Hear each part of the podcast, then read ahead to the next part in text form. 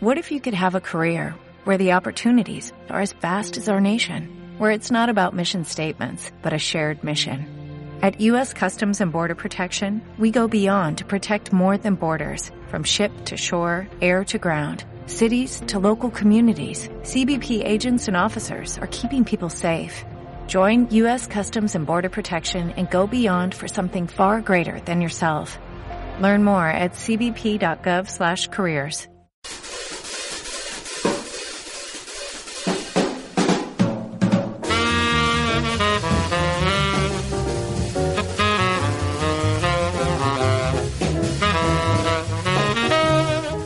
agora na presentación editorial de hoxe pois traemos a un doutor en filoloxía coa especialidade de lingua pola Universidade de Santiago de Compostela, a Miguel Moreira Barbeito, onde colaborou con esta universidade con varios proxectos de investigación da área de lingüística xeral centrados na catalogación das linguas do mundo desde a perspectiva social lingüísticamente falando, non?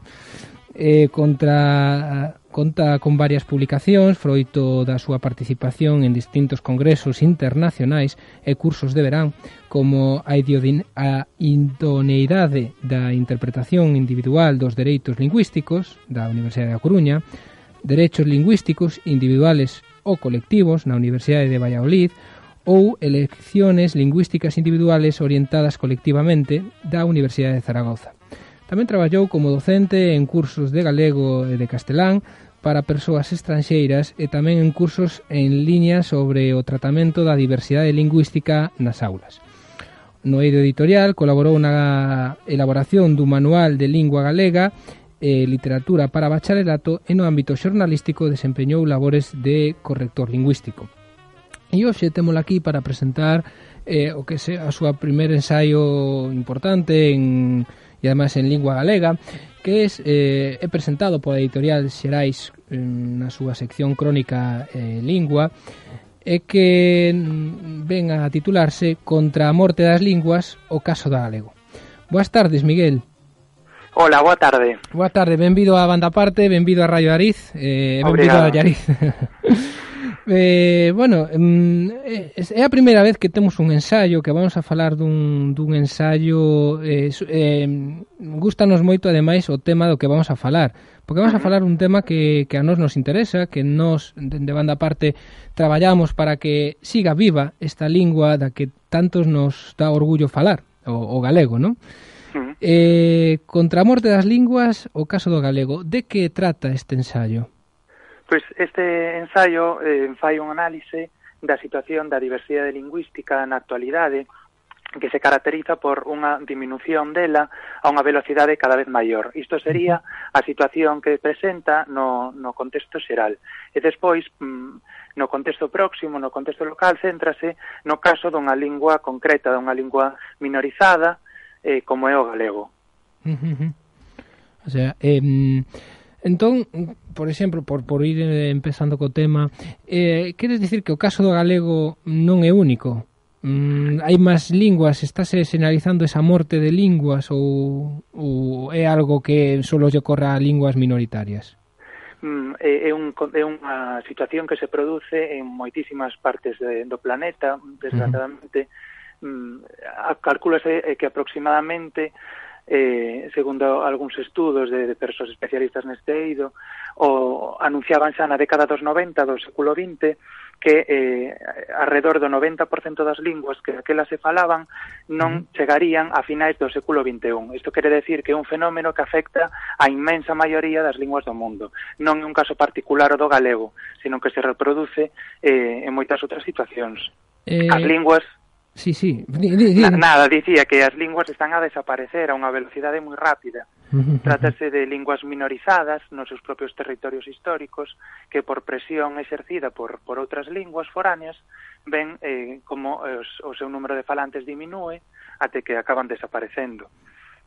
Podemos decir que isto é debido á globalización? Ou é pues un está... caso ou é un caso que xa viña de antes, o sea, non é algo novo?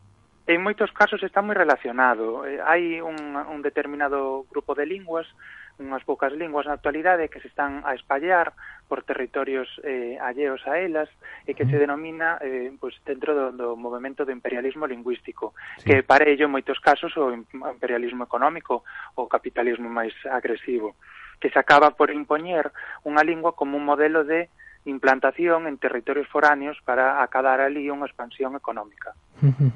Eso que acontece, por exemplo, en, eh, un dato que, sí. que se pode contrastar facilmente. Sí, curioso. En, claro, sí, en, en, no caso de linguas moi pequenas, uh -huh que acaban eh, desaparecendo pola presión que exerce pois, o inglés en moitos casos, o español noutros contextos ou outras linguas. Uh -huh eh, o sea, que a nova forma de... Mm, porque isto xa non era agora, non? Supoño que antes ah, tamén había esa desaparición de linguas. A nova forma é imperialismo lingüístico, non ten nada que ver co, coa imposición dunha lingua por motivos ideolóxicos ou, ou políticos tamén, como era antes. Ou... Tam, claro, poden combinarse eh, as dúas. Imos ver, hai procesos onde unha lingua eh, desaparecía eh, de forma histórica e séculos mm, por unha cuestión eh, política, ideolóxica e tal. A esas, a esas motivacións únense agora outras, como son as puramente económicas. Entón, as linguas entran aí en xogo como un factor máis dentro dese proceso. Sí, como se fora unha competencia entre empresas, por así decirlo. Sí, sí, sí. Podría verse así, sí. Para un exemplo, non? Uh -huh. Máis gráfico. Eh, neste libro analizas, eh, polo que vexo, non só a lingua galega, analizas todas as linguas. Eh, parece algún caso curioso de algunha lingua especial que xa desapareceu nos últimos anos ou ou en pouco tempo relativamente, porque claro, o desaparición das linguas non, su, non supoño que non se fará dun año dun ano a outro, pasarán mm, no, décadas non? É, é un proceso gradual, eh, tense sí. estudado neste sentido, eh, enténdese normalmente que ocupa eh, alrededor de tres eracións. É un proceso, por ah. tanto, moi rápido. Uns, porque... uns 70 ou 80 anos. Sí, aproximadamente. Tan só en tres eracións unha poboación pode pasar de ser eh, monolingüe na súa lingua histórica a ser monolingüe na lingua foránea. E, por ah. tanto, isto motiva a desaparición da lingua propia, da lingua da lingua autóctona da súa do seu territorio, da súa comunidade. Sí, sí. Eh, no libro adopto esta perspectiva pola miña formación en lingüística xeral, entón eh, comezo analizando esa situación en global onde vexo en distintas eh, linguas en todo o planeta que se eh, amoldan a un proceso común que podemos denominar de sustitución eh, lingüística, uh -huh. onde iso, unha lingua propia acaba sendo sustituída por outra foránea e eh, que non responde a un proceso natural. As linguas morrían mm, desde hai séculos, o que pasa que o fenómeno que acontece en actualidade é moi diferente, xa que se produce unha aceleración moi importante desta desaparición, uh -huh. até o punto de poñer en en perigo a, o equilibrio ecolingüístico. Sí, sí, sí. Eh, eh, por exemplo, unha algún, algunha lingua que coñezas que desapareceu uh -huh. en, fai pouco relativamente falando? Por exemplo, pues pues que... falar, por exemplo, do lacandón, que é unha lingua de, de México, sí. da que falo no libro, que eh, calculase que nos final dos 90, principios do século XXI, quedaban alrededor de dous, tres, eh, catro, seis falantes. Eran falantes xa moi avellentados e que eh, na actualidade podese considerar que, que está desaparecida.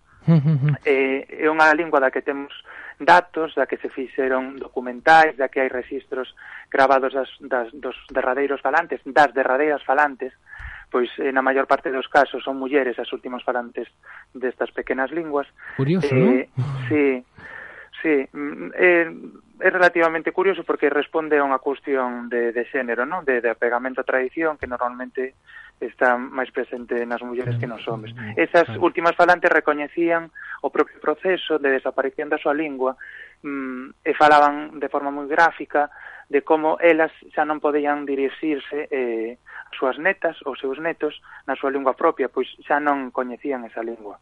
Uh -huh. Xa, os seus fillos xa eran bilingües e os seus netos eran plenamente monolingües na, na lingua dominante, que neste caso é o español. Claro, claro. Eh, por exemplo, mm, falemos ora do galego. Que situación se atopa o galego? Porque, claro, tú neste estudio profundizas sobre a nosa lingua, non? Sí. Sí, quixen primeiro ver unha perspectiva xeral do problema a nivel planetario e despois, como dicía, uh -huh. centrarme no contexto dunha lingua en concreto que non ten garantido o, o seu futuro. E esta é a situación da, da nosa lingua propia, do galego. Pois neste, neste momento, na actualidade, non se está a producir o traspaso xeracional, non estamos conseguindo pasar a xeracións máis novas eh, de forma completa o a lingua propia, o galego, e, por tanto, o seu futuro non está garantido. E isto dase nun momento en que as xeracións máis novas son as que teñen unha maior formación nesta lingua. E curiosamente ao mesmo tempo son as que manifestan un maior eh, desarraigo. Claro, con, con respecto, respecto, a ela. Claro. É eh, curioso, pero claro, esta crise que estamos vivindo agora na, na cultura galega, de, ou, ou máis ben, máis que na cultura galega, no, na lingua galega, pero é a peza fundamental na nosa cultura, mm. eh, eh, pódese dicir que ten parecido coa época dos séculos escuros, coñecido así na, na tradición galega, ou non ten nada que ver, aquilo é outra cousa? Aquelo, eu penso que, que, que as circunstancias eran moi distintas. Mm, naquel momento a lingua estaba eh, maioritariamente relegada a, aos estratos sociais máis baixos, uh -huh. non tiña presenza, por exemplo, eh, a nivel oficial no goberno, na administración, nas relacións cos poderes estatais. Eh, neste momento a situación é outra. Hai un marco legal que pode ser máis ou menos amplo, mas existe. A lingua ten eh, un recoñecemento, un estatus de cooficialidade no país, está presente na administración uh -huh. eh, pese a iso eh, sabemos que é como unha situación irreal esa presenza non, non, non garante a súa supervivencia entón eh, o seu futuro está eh, cuestionado claro, claro. o galego entraba dentro destas linguas que consideraba eh, Michael Krauss no ano 92 sí. que non chegaría eh, ao final do século XXI, a pesar de que se atopa no cume da diversidade lingüística, é dicir, mm, a maior parte das linguas do mundo, sí. o 95%, 94, uh -huh. 95% das linguas, non chegan a ter un millón de falantes. O galego, por tanto, forma parte desa elite sí, dese que, 4 ou 5% que sí. supera eh, con moito o millón de falantes. Sí, sí, Pese a iso, a súa supervivencia, eh, como digo, non está garantida. Mm -hmm.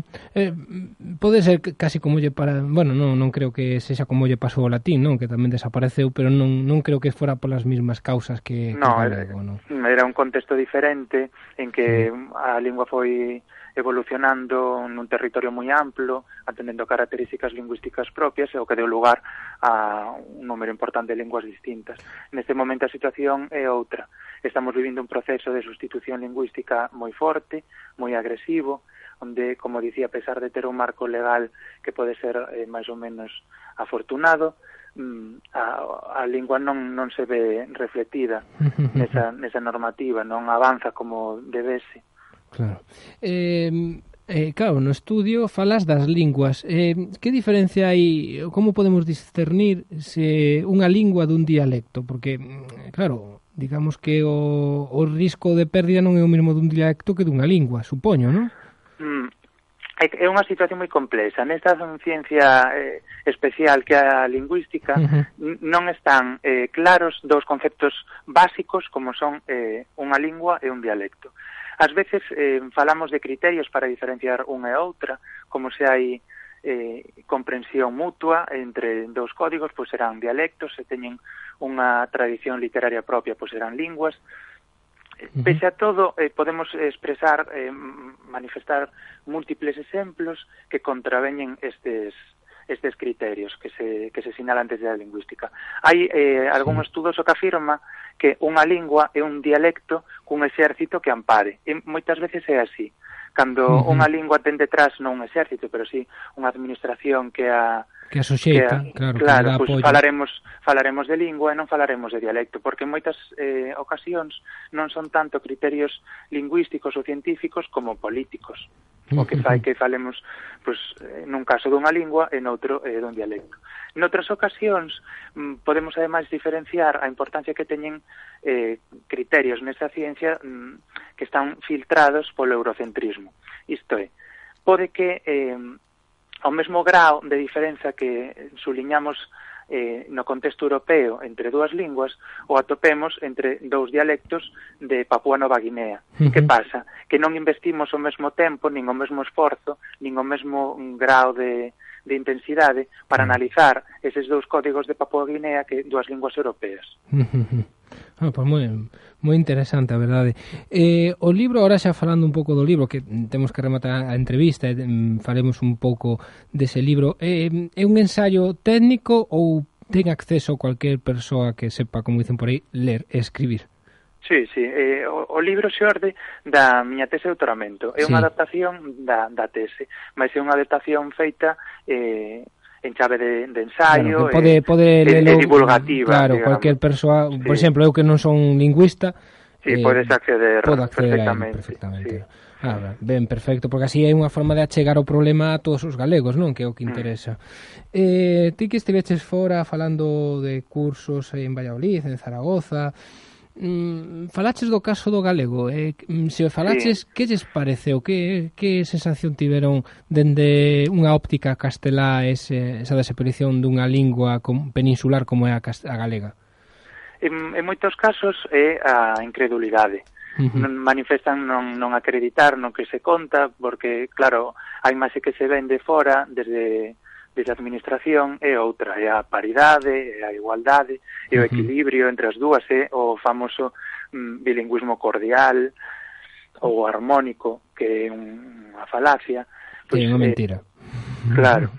Eh, non, non é certo, non estamos a falar de bilingüismo en absoluto. Bilingüismo poderíamos describilo cando as dúas linguas están en igualdade de condicións. E aquí sí. estamos vivindo unha situación de completa e absoluta desigualdade partimos de dúas linguas que están nunha situación moi distinta e que, por tanto, non podemos promocionar nin de forma eh, igual. Claro. Temos que favorecer a que está en peor situación que, ademais, é a lingua propia, con recoñecemento no propio Estatuto de Autonomía. Uh -huh. mm, pese a iso, falábamos de, de como se entende esa situación fora. Mm, Ben, eh, un, unha vez que explicas os argumentos e eh, que tratas de, de demostrar a situación que hai, Eh, é, é ben, ben acollida, ben recibida. O problema é cando falas disto dentro do país, cando falas disto aquí que sí que atopas o rexeitamento, iso é algo que sabemos, non é propio só das persoas que nos dedicamos á lingüística, é algo que se vive sí, sí, sí, na sociedade sí. día a día. É, todos todos os días nos medios de, de comunicación podemos ver casos de pais que solicitan que os, os seus fillos, as súas fillas, sexan educadas eh, en, únicamente en español, cando isto é contrario á lei, tal e como recoñece sí. o mesmo Tribunal Supremo. Uh -huh, uh -huh. Por iso moitas veces eh, os maiores problemas se dan aquí, non, non veñen postos de fora, só. Pois o sea, é unha, unha cuestión interesante que os galegos vamos en contra do, do, do noso. Non? Claro, por iso moitas veces eh, o que deberíamos facer é concienciarnos, concienciar a propia uh -huh. sociedade da súa importancia fundamental que ten a súa intervención no proceso de normalización da lingua. De pouco serven, de nada serven mm, políticas eh, lingüísticas desenvolvidas desde unha administración, aínda que sexan moi acaídas, se despois non contan co apoio da, da, da comunidade base, claro, falantes. Claro. claro. Por eh, iso todas as persoas teñen unha importancia fundamental no desenvolvemento da, da nosa lingua propia. Son os falantes os que poden contribuir, os que poden facer que viva ou, ou que non. Mm, eh, dúas, eh, dúas preguntas para rematar. A primeira, facemos a todos os escritores que veñen aquí, sexan da lingua que sexan, e é eh, por que os nosos queridos alaricanos, os nosos queridos ointes, deben de, de ler este libro? Pois penso que é un libro, un traballo onde se reflexiona sobre un tema que, que nos chega, que nos toca, que nos afecta Mm, porque a lingua non é só un sistema de comunicación. Se fose só iso, eh, non tería importancia cambiar. Uh -huh. A lingua é un mecanismo co que construímos a realidade, co que interpretamos o, o mundo que nos rodea, co que construímos o noso pensamento. E o noso pensamento, a nosa realidade, construíse de, de forma única aquí, grazas ao galego. Só por uh -huh. iso non o podemos perder. E disto é do que se fala no libro. Eh, interesantísimo. E para rematar, eh, dúas preguntas que van unidas, non? É unha, por eso dicía que é a última. Hmm. Primeiro, eh, o galego está sentenciado de morte, e eh, a segunda, que vai relacionada, ou casi a mesma, que futuro ten o galego? Pois eh, a resposta é non, non está sentenciado de morte. Ah, es... está, nun, está nunha situación eh, complicada, difícil, complexa, pese a iso eh, existen alternativas de futuro. Eh, a, a mm, impronta que eu quero transmitir co libro positiva. Uh -huh. Hai hai espazo para para o entusiasmo. E por qué? Porque está na man das persoas que empregamos. Se nos decidimos defender a lingua, a lingua vai ter futuro. Se nos decidimos apostar polos produtos que defenden a lingua, ben sexa no eido educativo, ben sexa no eido editorial, ben uh -huh. sexa nos medios de comunicación, se nos apostamos polos medios de comunicación que falan e defendedes claro. o galego, eses medios van ter futuro e, e a sociedade vai demandar máis. Entón, de nos depende, hai futuro. Eh, entonces eh, é algo noso que tenemos que seguir loitando para, para que mm. o galego pervida, perviva eh, tantas xeracións, polo menos, como, como dende que naceu. Claro, claro mil primaveiras máis para o galego, non? Imos oh, sí, non, non digamos mil porque eso parece moito de mil anos do, do, de Hitler, non? Pero bueno, esperemos que sexan máis de mil e que sigamos pois con esta lingua tan fermosa e sobre todo tan eh, que eu sempre definín como unha lingua tan eh, adxetiva, porque creo que é unha das linguas que ten máis adxetivos no mundo. moi ben. Bueno, pois pues moitas gracias, eh, gracias por eh, ensinarnos eh, que o galego está en perigo, eh, que, pero que ten salvación, ten futuro, se nos seguimos traballando, se cada un de nós siga adiante con este proxecto que empezou fai moitos anos, pois Martín Kodax, non? Efectivamente. pois moitas gracias, eh, desexo o mellor a ti no teu libro, e eh, que sigas así eh, publicando estes libros en galego que nos fan reflexionar, e sobre todo nos fan concienciar de que temos futuro, de que é posible e de que o galego é un instrumento que vai máis alá dunha relación entre dúas persoas. Vai, eh, é a nosa cultura, e a nosa forma de ser. Moitas grazas. Grazas, boa tarde. Boa tarde, hasta logo.